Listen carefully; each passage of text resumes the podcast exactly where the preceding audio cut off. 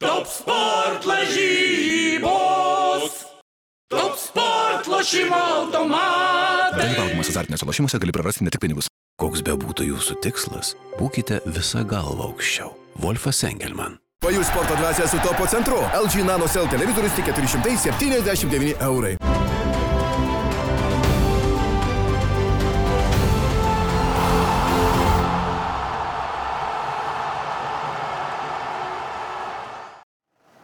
Sveiki 15 min draugai, sveiki skrienčio kamulio žiūrovai, kaip ir kiekvieną rytą sveikiname su jumis, bet šis rytas yra, na, kažkoks išskirtinis, tai ką vakar matėm, mano manimu, buvo įspūdingiausia tarptautinio futbolo istorijoje, toks vakaras, kai krito pasaulio čempionai, krito pasaulio vicečempionai, matėme Pratesimus matėme 11 m baudinių seriją. Su manim šiandien studijoje yra Marius Bagdonas, Karolis Dudenas, futbolo tinklaraščio 11 bendraautoris. Ir ar sutinkat su manim vyrai, kad tai, ką vakar matėm, buvo na, kažkas tokio, ko nesame matę dar iki šiol? Aš tai šimtų procentų sutinku, na, iš, išskirtinio futbolo vakaras, sunku, sunku buvo po to ir kažkaip mėgotai, nes atrodo viskas dar sukosi taip, nes tiek, tiek daug visko įvykę yra. Na, aš nepamenu, kad rinktinių futbole kažkada būtų serija tokių dviejų. Man tiesiog, aš gal prilyginčiau šitą vakarą dviem vakaram, kai tada buvo Liverpoolis 4-0 prieš Barceloną ir tada sekančią dieną Tottenhamas prieš Ajaxą 3-2. Tai vad galbūt kažkas tokio, bet kad per vieną vakarą tokias dvi rungtynės, nu kažkas neįtikėtina. Kaip tau, Mariu, tu vis tiek e, mėgsti tą se senąjį futbolą prisimint kars nuo karto, ar pameni kažką tokio? Ne, neatsimenu, kad vieną dieną tiek įvarčių dar vėlgi tiek būtų, tai ir, ir tiek intrigos, baigtųsi viskas dar ir baudinių serija, tai tikrai neatsimenu. Aišku, turbūt jeigu imsim vienas rungtynės, tai gal ir galėtume surasti ant dramų ir, ir, ir Liverpoolio su Milanu ir taip toliau, bet šiaip tai... Tai tikrai įspūdingas vakaras buvo.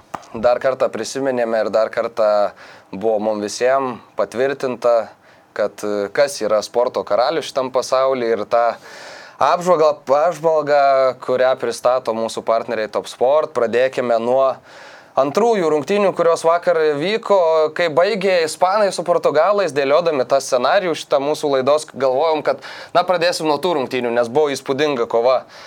Kai baigė prancūzai su šveicarais, e, sakėm, na, reikia galbūt pradėti vis dėlto nuo šio mačo. 3-3 pagrindinis laikas po baudinių serijos šveicarai išspiria pasaulio čempionus, jie važiuoja namo jau aštuntfinalyje.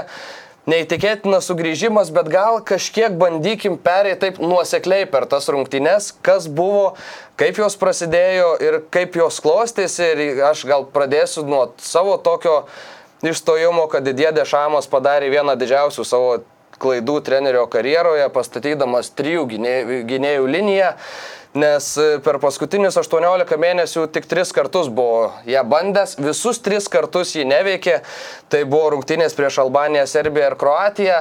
Ir dabar, kai tau ateina mirk arba gyven kova, kai tu negali eksperimentuoti, negali klyst, Taip, nebuvo Dinija, nebuvo Hernandeso, reikėjo kažkokių imtis galbūt sprendimų, bet taip iš esmės keisti taktinį įsidėstymą ir matėm, kad prancūzai jau nuo pat rungtynių pradžios nebuvo pasaulio čempionų lygio komanda. Žaidėjai atrodo nerado savo pozicijų aikštėje, nerado komandos draugų, šveicarai pajutė, kad gali žaisti ir man atrodo jau tai uždavė toną visam tam vakarui ir Didė Dešamas po rungtynių pasakė, na, galbūt kažkokia kita taktinė schema būtų buvusi geresnė, bet dabar to nesužinosime. Kai laimime, kai žaidėjai yra herojai, kai pralaimim, aš prisėmiau atsakomybę, bet žaidėjai vis tiek yra su manimi. Tai kaip tau, Karoli, ta rungtynių eiga ir, ir ta pati rungtynių pradžia? Aš sakyčiau, kad visiškai pilnai sutinku, kad padaryta buvo tikrai didelė klaida, o padaryta jinai buvo dėl to, kad tiesiog iki šiol per pirmas tris rungtynės na, niekaip nepavyko e, surasti to optimalaus ir geriausio varianto, kaip iš tiesų, kad veiktų tas tas polamasis trejetas, Benzema, Mbappé ir Griezmanas, jie nei vienose rungtynėse kažkaip ne, nebuvo, kad to geros išradimo tarpusavyje. Na ir, na ir kaip ir patys žaidėjai, netgi sakoma, kad pasiūlė Dešamui, kad galbūt pabandykime su šveicarais sužaisti trijų gynėjų liniją. Na, kas absoliučiai nepasiteisino, matėsi žaidėjai, kad, kad nelabai supranta, kaip reikia žaisti ir ypatingai tam pačiam polime tokie izoliuoti buvo Mbappé su Benzema ir to spaudimo nelabai pasiūlė. Šveicarai ganėtinai patogiai nueidavo iki prancūzų baudos aikštelės ir, ir, ir Cuberis ypatingai per kairę pavojingai atakuodavo. O iš tos, iš tos pusės, kur ir krito įvartis iš esmės, tas pakeltas kamuolys buvo labai geras, bet, na, lenglė gynyba, tai, nu, tai tiesiog tragedija, ties, net, ne, net nepasistengė, atrodo, jis tenais kažkaip Seferovičius ten jau tokį lengvą įvartį įmušė, tai, sakyčiau, desninga ir jau pačiam, sakyčiau, pirmame kelinyje matėm, kad, kad e, Dešamas jisai suprato savo klaidą ir Kimpembe pradėjo žaisti kairių krašto gynėjų, nuo tada jau po pertraukos, aišku, išėjo komandas ir perėjo komandą prie 4-4-2. Čia manau, kad ir situacija vertė tai daryti. Žinom, kad Adrianas Rabijo nu, nėra jau tas e, krašto žaidėjas, jisai įpratęs labiau visgi žaisti aikštės viduryje. Na, prieš tai rungtynėse jau iš reikalo žaidė, dabar vėl tas pats. Tai aš, aš pasakyčiau, kad uh, ta priežastis, kodėl kamolių tas puolamasis trejetas negavo, tai ir buvo viena tų, kad žaidėjai žaidė na, ne savo pozicijose. Vėlgi, jeigu kalbėsime apie tuos tris vidurio gynėjus, tai atrodo, na, kaip tik turėtų būti, na, trys, tai daugiau nei du ir, ir su ta sutankinta, atrodo, tokia gynyba turėtų dar geriau veikti, bet toks vaizdas susidarė, kad vienas vos ne kitam trukdo ir, ir, ir nepasidalina čia plotais, ne, ne, nežino, kuriam reikia tą žmogų imti ir taip toliau. Aišku, apie lenglėtą gynybą prieš Seferovičių visai nėra ką kalbėti, net šuolio net nebuvo. Absoliučiai jokio trukdymo. dėl to kamulio, taip, tai, tai, bet aišku, ir perdavimas buvo tikrai puikus, bet vėlgi ir tam netgi epizode vėl Šačyry buvo visiškai laisvas, jeigu jam būtų, na, ne Seferovičių kabinės tą kamulį, o Šačyry, tai, tai vėlgi buvo tikrai labai pavojinga situacija. Tai man atrodo, kad, na, Dešamas elgėsi kaip elgėsi, bet jisai padarė čia klaidą, bet vis tiek turėjo galimybę, sakykime, prancūzai pirmavo 3-1 ir, ir na, visos gyjos rungtynių buvo jų rankose, tačiau vis tiek sugriuvo. Tai man atrodo, dar ir čia yra trenerio tokia, kai, na, kai pasaulio čempionai per paskutinės 10 minučių išleidžia dviejų įvarčių persvarą, na, tai Na tai turbūt jau ne žaidėjai, o visgi didžiausias akmuo tenka į trenerio daržą, aš galvoju. Jo, ir per pertrauką, kaip ir minėjom, buvo pakeista taktinė schema Prancūzijos ir atrodo viskas pradėjo taisytis. Buvo atremtas 11 m baudinys, kai galėjo šveicarai užsiveršti priekį ir 2-0, bet tada Hugo Jorisas tapo pirmoju prancūzų nuo 2004 metų, kuris atremė 11 m baudinį lemiamų metų ir atrodo tada prancūzai užsikūrė. Jie išvengė tos labai sudėtingos situacijos ir prasidėjo Benzema šau. E, 57 ir 59 minutėmis du įvarčiai. Apie pirmąjį įvartį. Kaip sugebėjo Karimas Benzema prasimest kamolį taip, kaip jis tai padarė? Nu čia aukščiausia klasė, tiesiog.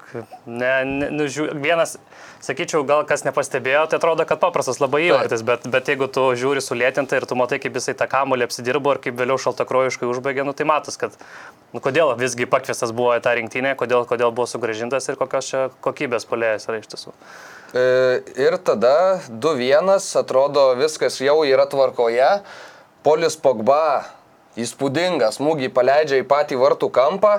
Ir čia, kalbant, kad kai žaidžia pasaulio čempionai prieš Šveicariją, čia turi būti rungtynių pabaiga. Nes e, Prancūzija turi uždaryti tokias rungtynes, tu laimi 3-1, lieka minučių e, 15 pagrindinio laiko.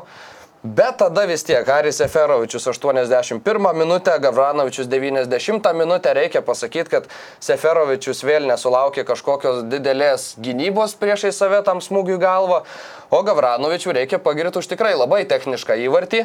Ir kaip šveicarai, kaip jums atrodo, kaip šveicarai sugebėjo neprarast to tikėjimo, kaip jie sugebėjo atsities prieš tokią komandą, kai tu, tu jau kartą nudegė, kai tu galvoji, vis dar įtariu mintysė, yra tas, kad, na, galėjom pirmauti 2-0, dabar atsiliekam 1-3, kaip galima nesulūšti.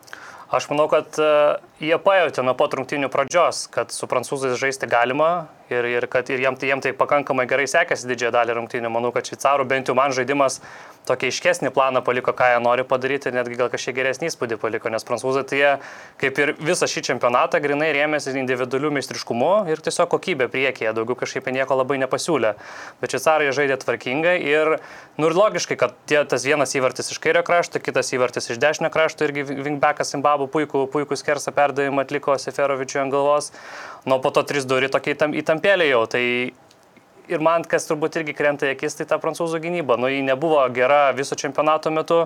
Tas pavaro baudinys vakar uždirbtas irgi atrodo, nu, kam, kam reikėjo taip čiuošti tokioje situacijoje. Tai ir tie vidurio gynėjai, nepasakyčiau, kad, kad labai blizgėjo, tai, tai ir, ir, ir įvarčiai tokie, kad realiai tarp, tarp dviejų gynėjų sugebėjo pralysti įmušti galvą, o kitoje situacijoje irgi milžiniškas, milžiniškas plotas tarp dviejų vidurio gynėjų ir Gavranovičius ten tiesiog iš šono lengvai kamuolį nuo Kimpembės pasimės ir, ir įvartis iš arti iš pakankamai. Ir tai, tai, tai prancūzai, aš sakyčiau, nu patys save nusibūdė tiesiog dėl to, kad jie labai, labai ir nesolidžiai, ir nečempioniškai gynėsi šitam čempionatui. Ir atraminėje zonoje, sakyčiau, solidumo šito mačio trūko, ne, jeigu tas va, trečias įvartis, sakykime, taip praeit Gavranovičiui, na tikrai ten daug laisvo ploto, daug pažiūrėti, kur, kur vartininkas kaip pramuštų tikrai, tai, tai man atrodo, kad jeigu mes gyrėme ten tą kantę su, su Pogba duetą, kad jie tikrai ne tik tai puikiai sugeba kaip Pogba užbaigti atakas ir sukurt, bet ir, bet ir ginasi gerai, tai šį kartą truputėlį, taip sakyčiau, nuo pat rungtinių pradžios šveicarai pakankamai drąsiai jautėsi, žaidė, jokių problemų tikrai tame nematė ir, ir, ir ir pajutė, kaip Karolis sako, tikrai nuo pirmų minučių, kad viskas gali būti gerai. Nors aš aišku, nu, tikrai netikėjau, kad jau rezultatas 1-3 nu, gali, sakykime, baigtis išsigelbėjimu, bet yra kaip yra. E, šiaip Ingolo Kante per paskutinės trejas rungtynės laimėjo visas oro dvikovas, kuriuose dalyvavo, kas yra įspūdinga, žinant, kokio ūgio yra šis prancūzijos saugas. E, šitose rungtynėse tuos penkis vadinamosius interceptionus padarė, irgi daugiausiai visose rungtynėse. Taip, jo rungtynės galbūt nebuvo pačios geriausios, nes matėm porą epizodų, kur kante nesugebėjo likti prie savo žmogaus, kas yra kartais keista, žinant tą angolo kante visą darbštumą. Na ir ką, rungtynės baigėsi 3-3, šveicarai aišku pakilime, bet prancūzai turi dar pusvalandį, per kurį iš esmės matėm vieną tą progą, kuri na, buvo tikrai labai gera, nes buvo pataikyta į skersinį. Bet toks vaizdas buvo, kad ir per pratesimą rungtynės ėjo tai vieną, tai kitą pusę, tai šveicarai ilgiau kontroliuoja kamolį, tai prancūzai jau atrodo kažkiek perima iniciatyvą, bet ar sutiksi Mario, kad tada jau per tą papildomą pusvalandį jokio skirtumo nėra, nei kas tie žaidėjai yra, nei kokie kontraktai ten pas juos ir kur jie žaidžia, o esmė yra ta, kuri komanda galbūt ar daugiau jėgų turi, ar noro, ar užsivedimo, ar mažiau baimės galbūt turi. Jo, turbūt šitas mačas tai nebuvo tas pavyzdys, sutikčiau su tai, man pavyzdžiui, tas labai jautėsi pirmose tose rungtynėse ispanų ir kruatų, visgi jau pratesimą žais tai vyresniai kruatų komandai yra pakankamai sudėtinga, ypatingai kai jie praleido tos du įvarčius, jau, na, degalų bakė nebuvo, kad jau, jau vis, nu, tikrai nesijautė, kad gali ta komanda e, ten surinkt dar vieną išsigelbėjimą, dar vieną spurtą ir taip toliau. Šveicarai Tuo tarpu, man atrodo, kad fiziškai tikrai nieko nenusileido, nors žinom, kad e, Prancūzija tikrai atletiškiausia turbūt vos ne komanda šiuo metu Europoje, bet, bet tikrai pakankamai neblogai tvarkėsi ir su tais visais e, atakos žaidėjais ir, ir Kilianas MVP taip turėjo tą progą, bet na, šitas čempionatas jau akivaizdu, kad nebuvo jo ir, ir, ir paleido vėjais, nors, sakykime, kairė koja tokia tikrai gan, gan paranki situacija buvo nuspręsti rungtynės. E, Kilianas Mbappé pramušė lemiamą 11 m baudinį, na, nepramušė, o Janas Zomeris atlaikė smūgį. Buvo toks įdomus momentas, kai Janas Zomeris atmušė kamolį ir dar norėjau apsidraugs, pažiūrėjau į teisėją, paklausė, ar tikrai viską gerai padariau. Ir tada jau bėgo džiaugti šveicarai prie savo sirgalių, vaizdai buvo neįtikėtini prancūzai, bet jau matėm, pavyzdžiui, Rafaelį Varaną rodo prieš 11 m baudinių seriją per pratesimą, kojos atrodo net dreba jam iš nuovargio. Ir e, akivaizdu buvo, kad, na, jėgas visas absoliučiai paliko abi komandos aikštėje, bet man atrodo, kad vakar nugalėjo širdys, o ne talentas. Ir prancūzų komanda, žiūrint į visą tą čempionatą, žiūrint į žaidėjų tą pačią kūno kalbą, kuri irgi daug ką iliustruoja, man atrodo, kad tai nebuvo ta vieninga komanda, kuri 2018 metais užkariavo pasaulį, kad tai buvo jau ir prieš čempionatą, prisiminkim kažkokį pasišpilkavimą, net ir viešai. Ir manau, kad tai irgi neprideda komandiniai atmosferai. Aišku, gal tai yra dviejų žmonių reikalas, bet na, bendrą tą komandos atmosferą tai vis tiek kažkiek paliečia, kai tu matai, kai tavo komandos draugai ten ar nesutarė, ar pasišpilkuoja viešai. Ir aš asmeniškai visada, ir tikriausiai kaip ir daugelis, mėgstu tas pelenių istorijas ir šitas Šveicarijos žygis buvo, na, neįtikėtinas.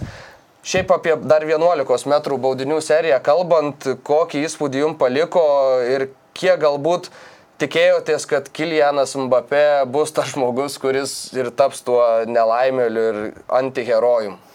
Aš kažkaip e, galvojau, matydamas Kilianą Mbappé visos rungtynės ir ypatingai per pratesimą, aš kažkaip tikėjausi, kad nudešamas jau galbūt ir išims jį. Pabaigoje ir jau neleis baudinių muš, nes tų variantų nebuvo. Kamerų, tai Samas Benederis ir pakankamai daug įvarčių iš 11 m baudiniais, bent jau, bent jau šį sezoną yra įmušęs, galvoju, kad, kad jam bus bent jau sutikta galimybė, nes ne, nu, matėsi, kad jis nelabai pasitikė, šaudo, šaudo visai, atrodo yra pavargęs ir Bet turbūt, turbūt taip ir turėjo vykti šį futbolo vakarą, kad būtent jis pramušė tą lemiamą baudinį. Keista, kad jam jį suteikė tą lemiamą baudinį, kad jam davė tą penktą muštį, bet e, kažkaip, kažkaip labai, labai stipriai nenustebino visą tą vakarą dinamiką, pasižiūrėjus visą čempionatą, kad vat, būtent jisai, jisai neįmušė ir, nu, nu, yra kaip yra. Taip. 14 smūgių šitam čempionate atliko Kilianas Mbappé, iš viso ir nepelnė ne vieno įvarčio, tai yra daugiausiai smūgių be įvarčio atlikęs futbolininkas visame Euro 2020 turnyre. Ir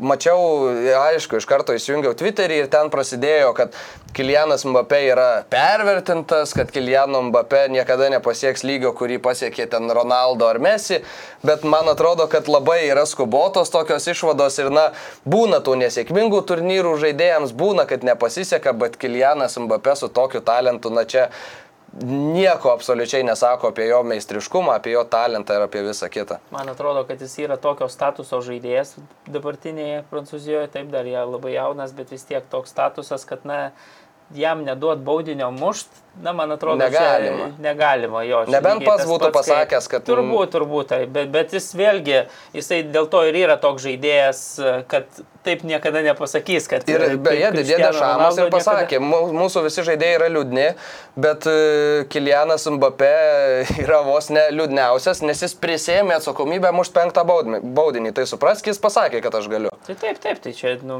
manau, kad tie didieji žaidėjai dėl to ir yra didieji, kad lemiamų momentų sugeba išspręsti rungtynės. Na, vėlgi, taip, tos rungtynės nepavyko, nepavyko ir visas čempionatas, bet man atrodo svarstymai apie tai, kad, na, jisai nepasieks to lygio, tai čia yra visiška nesąmonė. Man atrodo, kad jau šiuo metu, na, aukščiausio lygio, nu, nežinau, jau aukštesnio turbūt negali būti futbolininkas, man atrodo, atletas puikiai baigia atakas. Na, tai kas, kad neįmušė tose čia keturiose rungtynėse, bet vėlgi 19 metės pasaulio čempionas, kiek mes tokių turim, mes prieš 3 metus visi skaičiavom, kad čia jisai tik tai po Pelė 19 metų pasaulio čempionu tapo, laimėjo ir įmušė įvartį finale ir taip toliau. Beje, Pelė pasveikino, nu, nepasveikino, pagodė po šitų rungtynių e, prancūzą ir sakė, kad, na, Kilianai supras, kad čia, na, tik vienos rungtynės ir, ir dabar prasideda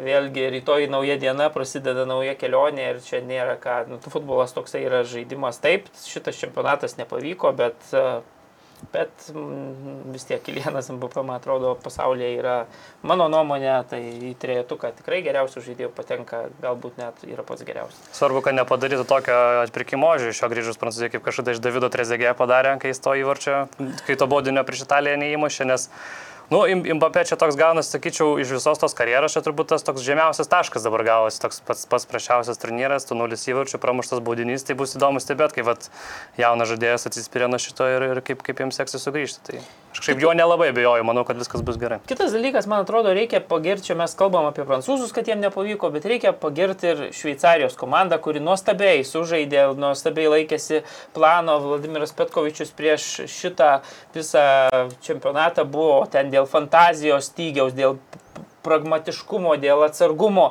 pernelyg kritikuojamas jau septinti metai su rinktinė, tai na, jau galima įvertinti. Bet man atrodo, na, po šito išėjimo, po šitos pirmos istorinės šveicarams pergalės atkrintamųjų pirmajame etape, tai man atrodo, na, visi užmiršta į greitai labai. Granitas Čeka priminė, koks jisai gali būti žaidėjas, iš tikrųjų įspūdingas pasirodymas vakar. Jo, ir Galintas Žeka buvo išrinktas geriausių rungtinių žaidėjų.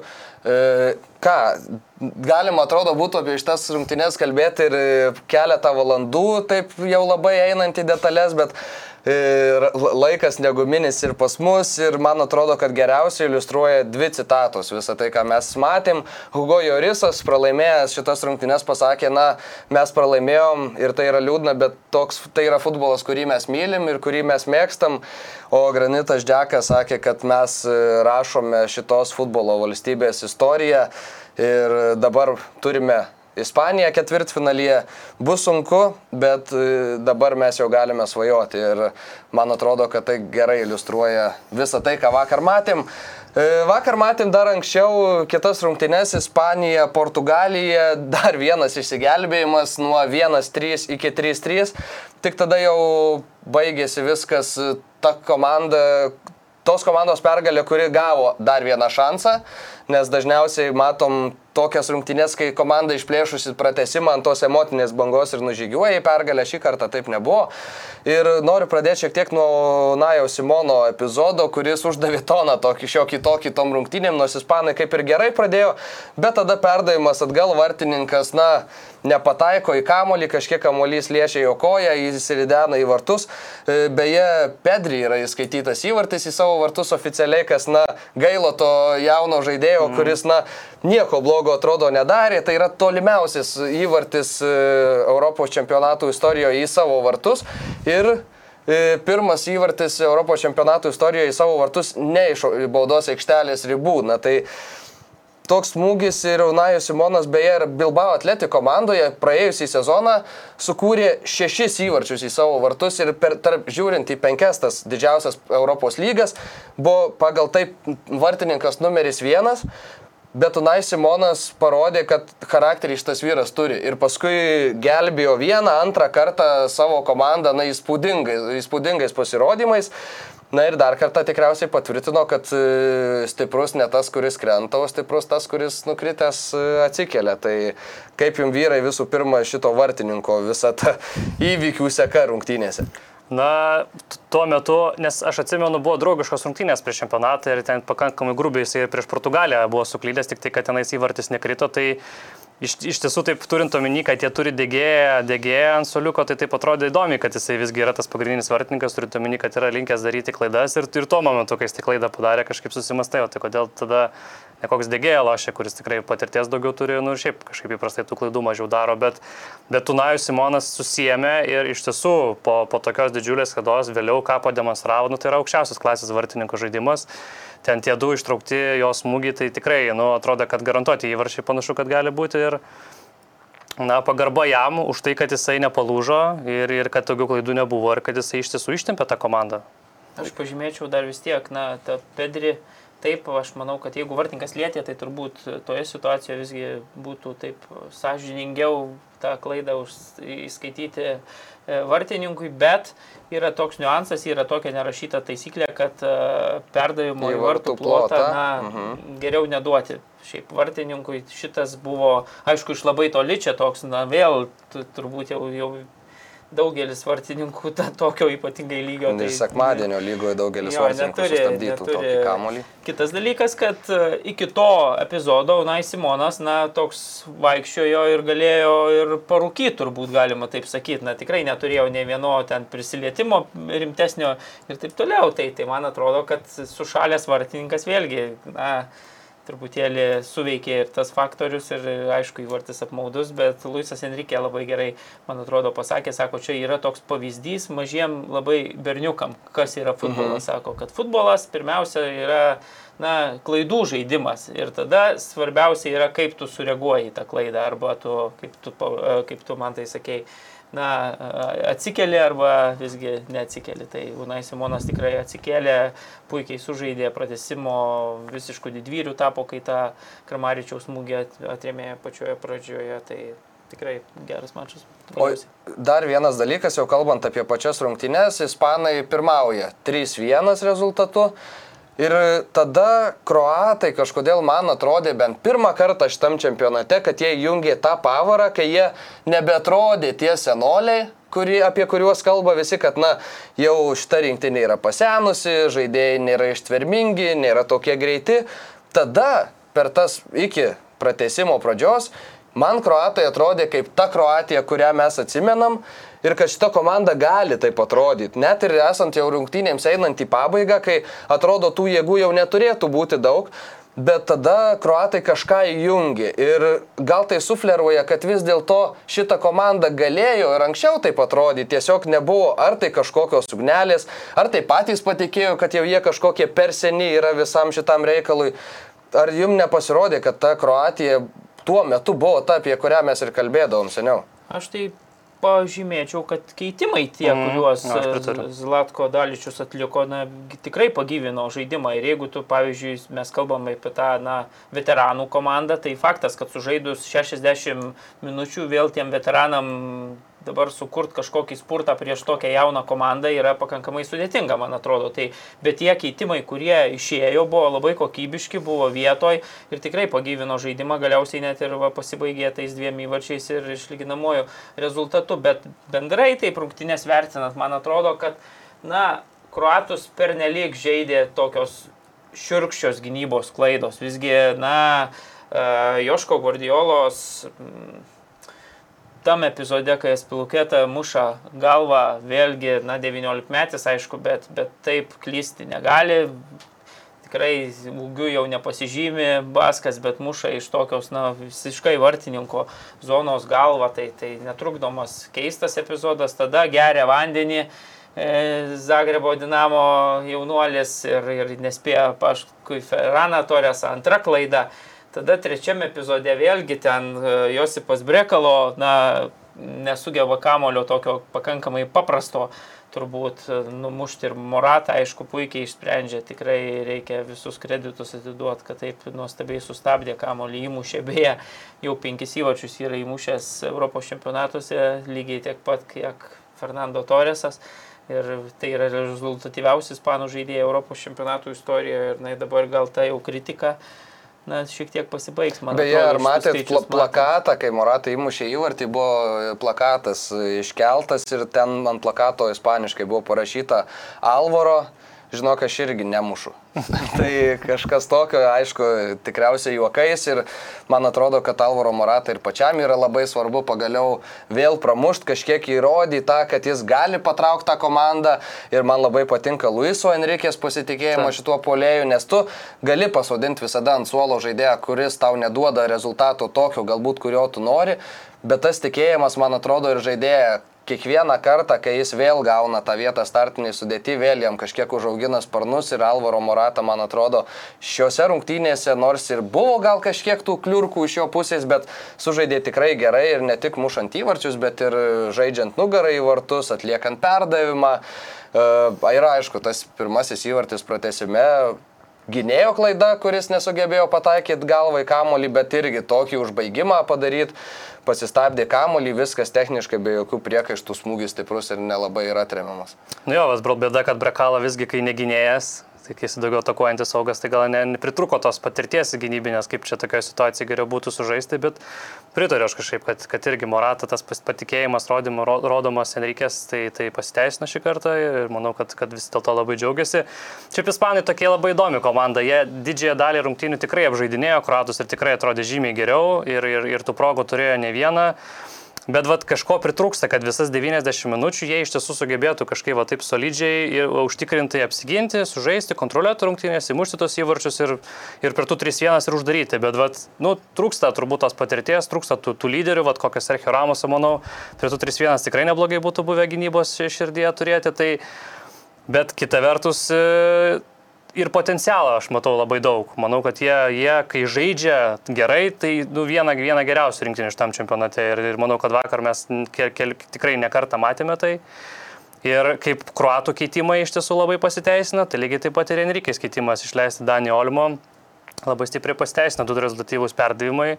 E, per pratesimą abiem įvarčiam ir to pačio Erzabalį irgi ten įvartis labai, manau, viskas užtikrintai. Tai, tai pelnyta, pelnyta ispanų pergalė, gaila aišku, kruatai, kad, kad pritrūko šiek tiek, bet iš, iš to žaidybinės pusės, jeigu žiūrėt, kad manau, kad teisybė laimėjo vakar viską. Jo, ir tai buvo antros rezultatyviausios rungtynės Europos čempionato istorijoje po 60 pusfinalio tarp Jugoslavijos ir Prancūzijos. Man labai patiko abiejų trenerių komentarai po šitų rungtynių.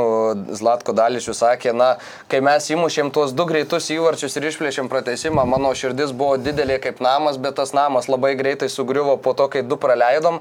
O Luisas Enrique kalbėjo, kad, na, daug panašių rungtynių galbūt esu išgyvenęs savo karjeroje, bet šit, šit, šit, šitas mačas turėjo absoliučiai viską, ko gali tikėtis iš futbolo rungtynių.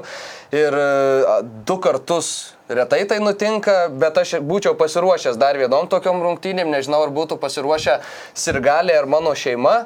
Bet rungtynių pabaiga buvo nuostabi, džiaugiuosi, kad gavome antrą šansą laimėti ir buvo nuostabios rungtynės daug e, tokių intensyvių rungtynių esu turėjęs savo gyvenime ir karjeroje, bet šitos buvo vienos geriausių ir na neina nesutiks su Luisu Enrique. E, Ispanai, ar dabar mušė 10 įvarčių per dviejas rungtynes, na, per 8 per pagrindinį laiką, ar jau įrodė, kad šita komanda vis dėlto nėra nemušanti? Man tai tikrai įrodė, aš manau, kad nes ir tos pirmos jų rungtynės su tais pačiais švedais ir ten vėliau sekusios rungtynės berot su, su, su Lenkais rodė, kad nu, jiem ne problema susikurti progų yra, jie progų sukurdavo daug, tiesiog tą realizacijos nuolatos pavesdavo, tai kas vyksta dabar, tai tiesiog uh, liko tos pačios sukūriamos progos, tiesiog pagerėjo ta realizacija, pradėjo mušti ne tik Muratą, bet, pavyzdžiui, labai malonus atradimas, manau, šitame čempionate visiems Ispanijos rinktinės ir galim yra Pablos Arabija, kuris galbūt nesužaidė labai gerą sezoną Paris Saint Germain, buvo toks daugiau atsarginis žaidėjas, bet prašau, šitam čempionate mušo tos įvarčius ir vakar, vakar pasižymėjo. At, at, atsiranda kiti įvarčių šaltiniai. Pradėjo va, Veranas Torresas, tu du įvarčiai, Dani Olimo, nu tiesiog pradėjo realizuoti progas. Tai manau, kad, kad, kad turėtų Enrique būti patenkintas. Nes planas reiškia veikia, progos yra kūrimas ir tiesiog prisidėjo tai, kas yra labai svarbu, tai yra realizacija šitą vietą. Aš dar pažymėčiau, kad Sergio Busketso sugrįžimas į komandą labai stipriai prisidėjo ir dabar jeigu mes ten pirmose tose rungtynėse kartais matydom perskubamus veiksmus, taip ten ispanai nuolat kontroliuoja tą kamolį, tie greiti trumpi perdavimai, bet kažkaip atrodo paskutiniai stadijoje ten būna visokių klaidelių. Tai atėjus, grįžus Sergio Busketsui, jisai taip atrodo taip kontroliuoja meistriškai, ten visiškas Richardas Mozartas aikštės vidury ir, ir, ir tikrai, man atrodo, tada, va, kai jisai sugrįžo, tai dar lengvesnis tas ispanų žaidimas.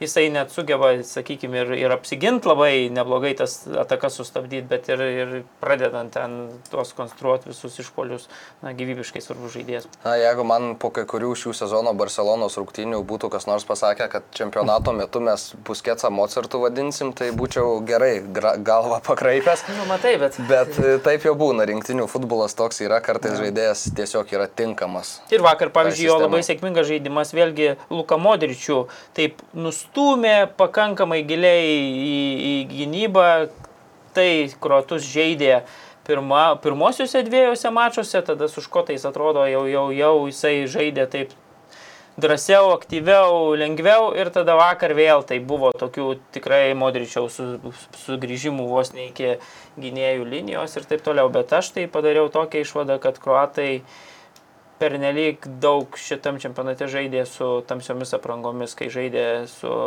tamsiomis aprangomis, tai du kartus pralaimėjo ir, nelaim, ir lygiom sužaidė. Kai vienintelį kartą žaidė su savo šachmatinė balta, tada iškovota buvo pergalė. Na, ispanai apie Lakamisą negrą turi ir dainų, tai galbūt tai darė įtakos vakar. Gerai, tiek apie tai, kas vyko vakar, jau pusvalandį čia priklėgėjom. Ir greitai sustiksim antroji daly ir pakalbėsim apie tai, ką matysim šiandien. Top sport lažybos. Nesaikingas lošimas gali sukelti priklausomybę.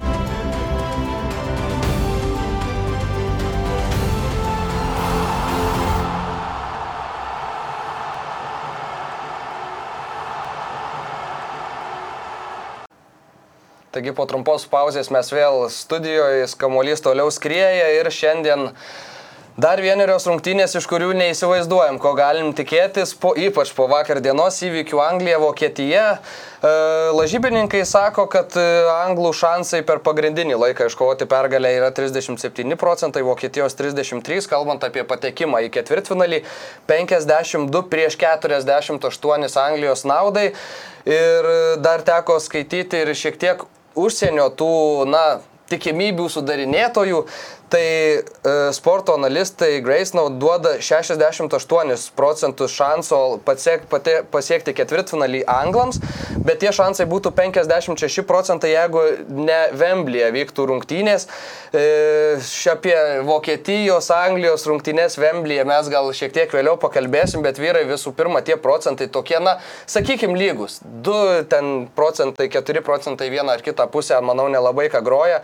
Ar sutinkat su šitais skaičiukais? Aš sutinku, iš tiesų manau, kad pakankamai apylygės rinktinės, taip gal anglai šiek tiek tą geresnį tą grupę tapo turėjo, bet aišku, grupė buvo paprastesnė pas juos, bet, bet rinktinės iš, iš kokybinės pusės labai labai panašios, manau, žaidėjai, žaidėjai irgi ir, ir to, tos stiprybės, sakyčiau, galbūt irgi, irgi pakankamai panašios. Tai Tai tos tikimybės e, visai gerai atspindi, aš tik tai galbūt e, žinodamas tą visą istorinį kontekstą ir kaip tom rungtynėm, rungtynėm sekasi žaisti tarpusavėje, tai gal biškiai keišiu, gal truputėlį daugiau šansų vokiečiams duočiau negu, negu anglam, bet... Nu, bet 40 tūkstančių ir galių beje Wembley stadione galės susirinkti ir pažiūrėti Anglijos rinktinės pralaimėjimą vokiečiams šiandien. Kalbant apie tą istoriją, tai Nokautuose didelių turnyrų istorija tokia. Aš greitai perbėgsiu, kad visiems viskas būtų aišku. 66 metais Anglija laimi 4-2 pasaulio čempionato finalą ir tai dėja vėliau yra paskutinis kartas, kada atkrintamosios Anglija nugali vokiečius.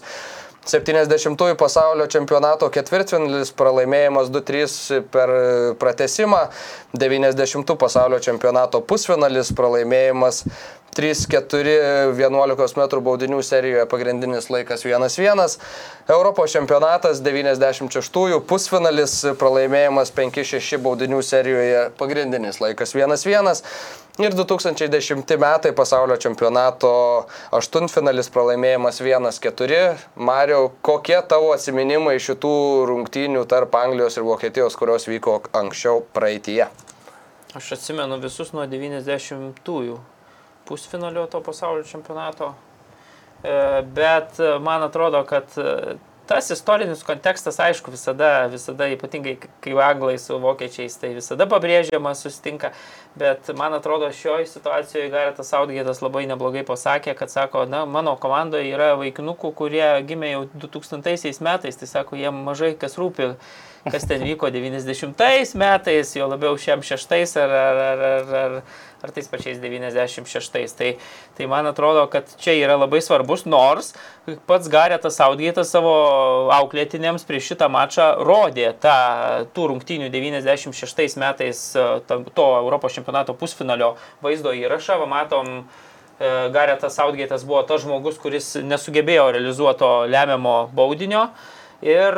Ne 66, aišku. Ne, 96 čia taip. Ir viskas vyko vėlgi tam pačiame Vemblio stadione. Tai buvo Europos čempionato pusfinalis, visi anglai labai tikėjosi ir tas 96 metų pusfinalio rezultatas vis dar išlieka aukščiausias anglų pasiekimas e, Europos čempionato istorijoje. Tai, tai tikrai skaudi skaudus dalykas, ypatingai skaudus dar ir dėl to, kad 90 metais lygiai taip pat e, Veidlas su Pirsu irgi sugebėjo realizuotų baudinių, Bodo Ilgneris buvo puikus ir, ir po to Niukso, tada anglai jau čia namie tikėjosi to didelio revanšo ir va lygiai tas pats baigėsi tas Outgito nelaimė. Tai man atrodo, kad e, aišku, psichologinis tas toks turbūt einant anglam vėlgi, ypatingai jeigu pasibaigtų viskas baudiniais, tai vėl tas psichologinė našta čia, anglai jau ir taip tuos baudinius prieš bet kurį varžovą, ten vėlgi aštuntfinalis, dažniausiai jie iškrenta pralaimėję baudinių seriją aštuntfinalį, tai man atrodo psichologinis pranašumas tikrai vokiečių būtų, kurie, kurie tų baudinių serijų beveik nepralaimi taip istoriškai, jeigu ten tikrai nu, labai retai didžiosiuose turnyruose, bet sakau, vienos rungtynės, viskas vyks Vemblio stadione, aš irgi sutikčiau su tais procentais, man atrodo, kad na, tas namų aikštės pranašumas yra labai svarbus šit tame kontekste ypatingai dar dėl to, kad ir pirmasias visas rungtynės anglai žaidė namuose, tai jiem, na, blaškytis niekur nereikia ir jeigu netgi šitas, sakykime, jie laimėtų, tai vėlgi pusfinalis finalas vyktų, vyktų tame pačiame Londone, tai tik tai reikėtų ketvirtfinalį kitą miestę sužaisti. Tai na toks atrodo 12-11 šalių čempionatas, bet vis tiek anglai žaidžia vos ne visą, visą čempionatą namie ir, ir tikrai turi puikius šansus. Tai, tai vat tiek. Jo, aš tai man, man kas iš tos, iš tos rungtynėse bus įdomu, tai visgi kalbama, kad e, Southgate'as grįž prie trijų vidurio gynėjų linijos, kadangi jau Maguire'as dabar pasveikęs ir atitinkamai, aišku, turbūt pasimokė iš tų pačių gal portugalų, kaip, kaip visgi svarbu yra tos ypatingai Gosinsą dengti, dengti arti, tai, tai tikėtina, kad matysime dvi komandas, kurios žais su trijų, trijų vidurio gynėjų, gynėjų linijos įsidėstymu. Aš sakyčiau, pakankamai svarbu, manau, bus e, ir ar pavyks Meisonas Mountui sugrįžti startinę sudėtį, jisai čia savizolacijai buvo nemažai dienų, tai mačiau, mačiau sportavo individualiai kartu su Benu Čilvelu. Jisai toks žaidėjas, kur, kur, kurių galbūt nei vienas kitas atakuojantis Britų žaidėjas, jisai neturi tiek energijos ir gintis. Ir turint omeny, kad uh, Vokiečių turi Tony Krosą, turi Ilkai Gondaganą, kurios viduryje reikia statyti, turi aukščiau dar Müllerį, Havertzą, tai toks žaidėjas, kuris bent jau galėtų papresinguoti šiek tiek rimčiau ir, ir tą, tą, kad tą kamolį būtų šiek tiek sudėtingiau laikyti vokiečiams. Tai manau, ar jam pavyks sugrįžti į startinę sudėtį, tikrai bus, bus didelis klaustukas ir, ir labai įdomus klausimas. Jo, kalbėjo ir Saudgaitas apie Meisono Manto situaciją ir aiškos atsakymo nedavė, nes, na, treniruotės per Zoom yra kita negu treniruotės su komandos draugais. Beje, mūsų pavadinime viso šito, šitos laidos yra Wembley klasė, kad aš tiesiog noriu greitai dar įvesti, kodėl tai yra Wembley klasė, kad tai visų pirma, anglams čia bus 300-osios rungtynės Wembley stadione e, tarptautinės ir tarp šių komandų tai bus 13 susitikimas Wembley'e.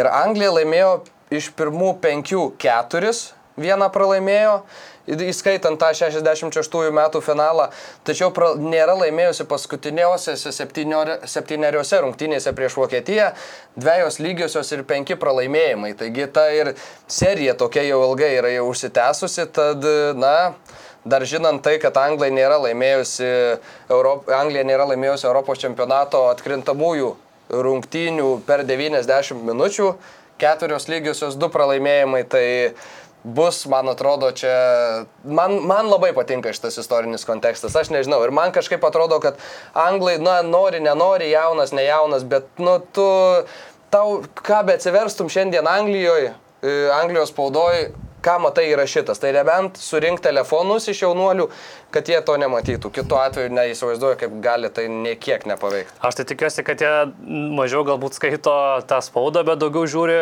kad nu, pažeidžiama šita Vokietijos rinktinė yra labai ir, ir žiūri galbūt tas rungtynės, kurias jie sužaidė grupių etapę ir mato turbūt to, kad to greičio ten gynybos Vokietijoje tikrai trūksta ir, ir aš kažkaip galvoju, kad jie, jie pasitikė savimi. Jo labiau, kad tos, ang, tos ang, nemažai anglų žaidėjų jau, pavyzdžiui, žaidė šiais metais Čempionų lygos finale, net buvo, buvo britiškas finalas. Tai jie tos patirties turi pakankamai daug, aš manau.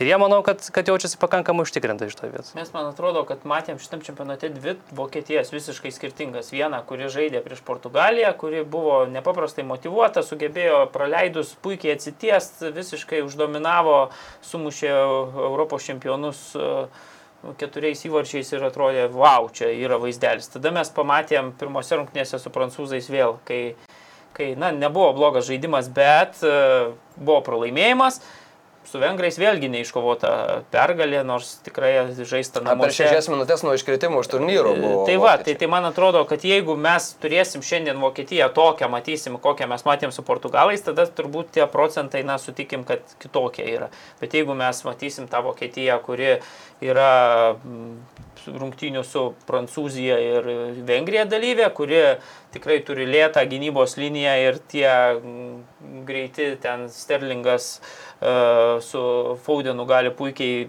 kraštais praeit, tai da, aš manau, kad, kad tikrai anglai turi šansų ir šansų tikrai turi daug. Bet ir anglus mes šiemet jau matėm visokius, mes matėm Angliją prieš Škotiją, kur visiškai bedantė buvo. Tai šitos komandos. Ir šiaip anglų dar nematėm tokių, tokios formos, kokios matėm vokiečius prieš portugalus.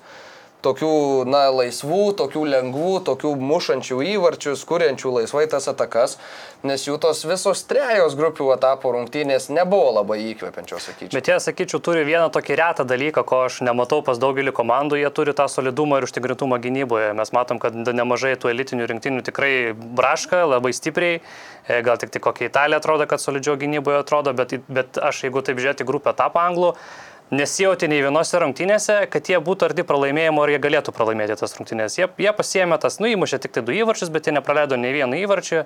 Jie gynyboje žaidė atsargiai, bet bent jau paskutinėse rungtynėse su Čekija, pirmame kelinyje, aš bent jau mačiau, kad anglai tikrai to potencialo turi. Sautgitis leido šiek tiek krašto gynėjams aktyviau į polimo jungtis ir jau tas žaidimas buvo toksai gyvesnis. Tai Tai aš manau, kad, kad, kad jie dar tikrai neparodė visko, bet tai, kad jie turi gerą gynybą, tai jau yra didelis privalumas šitam čempionatui. Filipsas su Raisu man nepaprastai įdomu, kai atrodys prieš tos elitinius žaidėjus mm. Europos. Jeigu jie sugebės atstovėti taip, kaip atstovėjo, pavyzdžiui, su kruatais, kur tikrai, na, buvo pagirtina žaidimas ir vien dėl to nuostabaus žaidimo, man atrodo, jie žaidė ir tolimesniuose visuose mačiuose, ne, net Hendersono ne, negražino Southgate'as į, į sudėtį.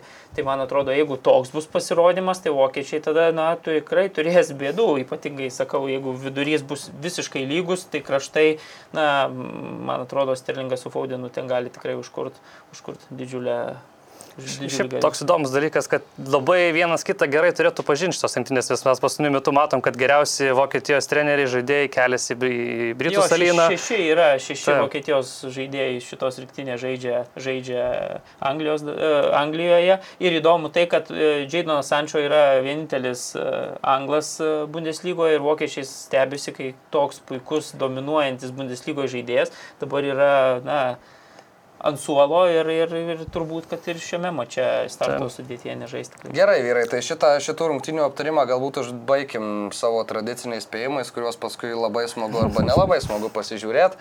Tai Karoli. Aš manau, kad uh, e, 1-0 Anglija. Mariu? Aš viens vienas sakau. Per pagrindinį laiką, o baudinių serijoje jau kaip bus, tai bus. Gerai, tai aš sakysiu, kad vokiečiai po baudinių serijos nugalės Angliją šiandien. Gerai, Švedija, Ukraina, šitom rungtynėm jau skirsim gal visai nedaug laiko, nes matau, kad užsitempim pakankamai su tais jau įdomiausiais įvykiais mažiausiai intriguojantis mačas šiandien, apie tai, ir kurie buvo vakar, ir, ir, ir kurie vyks šiandien. Taigi Švedijos e, pergaliai per pagrindinį laiką skiriama 40 procentų lygiosioms ir Ukrainos pergaliai identiškai po 30 procentų, o kalbant apie patekimą į kitą etapą, Švedija 56 procentai, Ukraina 44. Taigi švedai laikomi nežymiais favoritais ir e, galima tikriausiai supras dėl ko. Jo, tai vėlgi jie iš tokios sudėtingas pakankamai grupės išėjo pirmoje vietoje ir jų ta pergalė prieš Lenkiją būtent ir užtvirtino tai, kad Ukraina pateko į kitą etapą. Tai, tai ta žaidimas, sakyčiau, nieko labai nesiskiria nuo jų pakankamai sėkmingo pasirodymo praeitų metų, pas, nu, praeitam pasaulio čempionate, tas pats 4-4-2 toksai gynybinis, tik tiek, kad aš, aš sakyčiau, man kas gal įdomu, kad Jie nebe tokie solidus gynyboje pagal mane, kai, kai karjerą rinktinėje baigė Grankvistas. Jie tikrai progų ten leidžia susikurti varžovam pakankamai ir Lewandowskis ten su Ketriku galėjo be jokių problemų išeiti. Tai jų tas toks gynybinis e, solidumas šiek tiek, gal sakyčiau, pervertintas yra, nes jie tikrai praleidžia nemažai šansų, bet kit, kitoj pusėje jie polime atrodo žymiai įdomiau ir geriau negu kad mes metėm anksčiau. Tai labai tai susiję, kad Įsakas iš tiesų žaidžia gerą čempionatą, nors įvarčio dar nemušė, bet numatos, kad jis yra problema bet kuriam gynėjui, su kuriuo jis, su, su kuriuo jis žaidžia. Forsbergas puikų čempionatą žaidžia ir dabar Kulusevskis e, po COVID pasveikęs, matėm su Lenkija, kad pakeitimai išėjo nu, ir iš karto du rezultatyvus perdavimai irgi yra problema. Tai aš manau, kad tų variantų, nu, nubausti Ukrainą, tai ten yra per akis. Tai va, tik klausimas, ar jie patys apsigins, nes, pavyzdžiui, toks Remčiukas, e, didelis aukštas, stiprus polėjas, yra būtent toks žaidėjas, prieš kurį, pavyzdžiui, Lindeliofui, Premier lygo jam visą laiką sunku prieš tokius žaisti. Tai, nu, tikrai yra ir tų ginklų ir Ukrainos pusė. Kaip Manau, kad jeigu pavardės taip dėliosim, tai tikrai ukrainiečiai turi ką pasiūlyti irgi lygiai taip pat. Aš sutikčiau, kad aišku tie rezultatai grupėje tiek pasaulio čempionate, beje, švedai laimėjo irgi grupę dabar. Janė Andersonas, na, m, sako, kad tai neatsitiknumas, reiktų turbūt tai su tik, nes e, jaučiasi braižas, jaučiasi tikrai kokybė, Karolis labai gerai apie ataką pakalbėjo, bet aš manau, kad jeigu ukrainiečiai sužais savo galimybių ribose, tai švedam gali būti labai sunkus čia, čia tada jau tuos procentus vėl pastumčiau kokią vos ne 50-50. Įdomu tai, kad rungtynės vyks Glasgė, nebus, e, ne, negali ir gali nei vienos komandos atvykti. Janė Andersonas, švedų komandos treneris, ypatingai pyko dėl to, sako, kodėl čia buvo pasirinkta tokia vieta, kai, kai na, žinom, kad nuo, nuo Švedijos atskris tikrai nėra nėra taip toli. Ševčenka irgi kalbėjo apie žiūrovų, sako, kad diaspora yra pakankamai nemaža Škotijoje ukrainiečių, tai turėtų visgi tas palaikymas vis tiek šioks toks jaustis, tai bus įdomu, kaip atrodys čia viskas Glasgė. Ir dar man atrodo tas daug groja, kad Ukraina paskutinę savo rungtynės grupių etape sužaidė itin prastai. Ir, na, atrodė tokia beveidė ir bedvasė. Ir komanda sėdėjo ir laukė, kaip susiklostys kitose grupėse mačai. Ir tik tada sužinojo, kad pateko į tą aštuntfinalį. Ir man atrodo, kad tas sukrėtimas, tas buvimas jau ant paties bedugnės krašto, tas laukimas turėjo sutelkti ir turėjo duoti, na, spyrį gerą išikną Ukrainai. Ir aš tikiuosi, kad tas spyris, na, padės ukrainiečiam šitose rungtynėse jau parodyti kitokį veidą.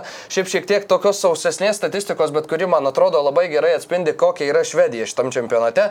591 perdavimas grupių etape mažiausiai bet kurioje komandoje. Perdavimų tikslumas 69,9 procento, praščiausiai atliekami perdavimai visam čempionate. Uh, Vidutinė kamulio kontrolė 29,6 29 procento, mažiausiai visame čempionate. Taigi švedai, na, laimi rungtynės, bet laimi labai savotiškų stiliumi ir gaudo varžovus kontratakomis, bando kažkokiu gal ilgų perdamų ieškoti, atiduoda kamulio kontrolę, bet šita komanda, na, jeigu rezultatas yra aišku, tai nieko negalim. Ir įdomu, kaip Ukraina atrodys ir kokį žaidimą bandys primest Švedijai šitam susitikimui. Čia Švedijos ir yra, manau, stiprybė, nes aš kiek ją atsimenu, pavyzdžiui, ten gali pradėti nuo, nežinau, kokio Lagerbeko su Sodebergu laikų. Tai keičiasi tik tai treneriai, bet braižas tai vis tiek švedų išlieka mm. tas pats. Ir, ir jie sako, kad, na, bet kuris atėjęs treneris taikosi prie tos komandos stiliaus, prie, prie tų žaidėjų, o ne atvirkščiai atėjęs dabar naujas treneris bando įdėkti kažkokią savo sistemą ir taip taip toliau. Ir, ir kaip laikas rodo, kaip, kaip rezultatai rodo, na, tai vis tiek yra pakankamai gera taktika, laiminti taktika, net jeigu jie tiek pasaulio čempionate, tiek Europos čempionate sugeba grupėje užimti pirmą vietą, aplenkdami tokias komandas kaip Ispanija, tai manau, kad irgi, na, iškalbingas dalykas. Jo, aš tai pritariu, manau, kad jeigu, tu, jeigu treneris mato, kad nu, su šitą rinktinę kitaip tu nelabai pažaisi, tai tu tiesiog viską orientuoji į gynybą, o pulime žaidė ant savo talentų. Tai Tai aš manau, kad tikrai treneris čia su juo viskas tvarkoja ir su ta taktika 30, aišku, 30 procentų kamulio kontrolė, nu tai tokie skaičiai visada atrodo nu, sunkiai, sunkiai suvokiami. Per vienerias rungtynės atrodo jau mažokai, bet tai čia yra tavo vidurkis per trejas rungtynės, na tikrai mažai. Beje, paskutinį kartą šitos komandos žaidė 2012 metais Europos čempionate ir tada Ukraina laimėjo 2-1. Abu įvarčius mušė dabartinis komandos treneris Andrėjus Ševčenka, tai matysim, ar... Ir nuo to laiko jam... laimėjo vos vieną septynerias rungtynės Europos čempionatuose ukrainiečiai. Ir septynerias, man atrodo. Ir tas vienintelis mačas buvo prieš Šiaurės Makedoniją, kuris ir išvedė į šitą aštuntfinalį juos. Beje, aštuonis visus mačius žaidė tuos ir Molenka visuose aštuoniuose žaidė. Ok, tai ką, apie tai, ką matysim šiandien irgi tiek. Netrukus dar po vienos trumpos pauzės sugrįšim ir išgirsit klausimą, į kurį atsakę galėsite laimėti prizą. Top sport lažybos. Nesaikingas lošimas gali sukelti priklausomybę.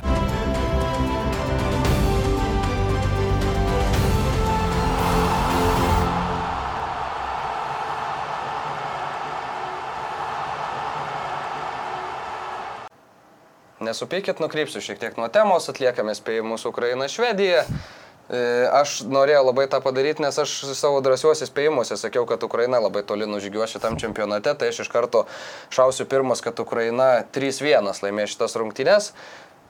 Kolegos? Aš 2-0 sakau, kad Ukraina laimės. Aš manau, kad bus 1-1. O tada? O tada per protesimą ir baudinius aš manau, kad laimės Ukraina. Ok.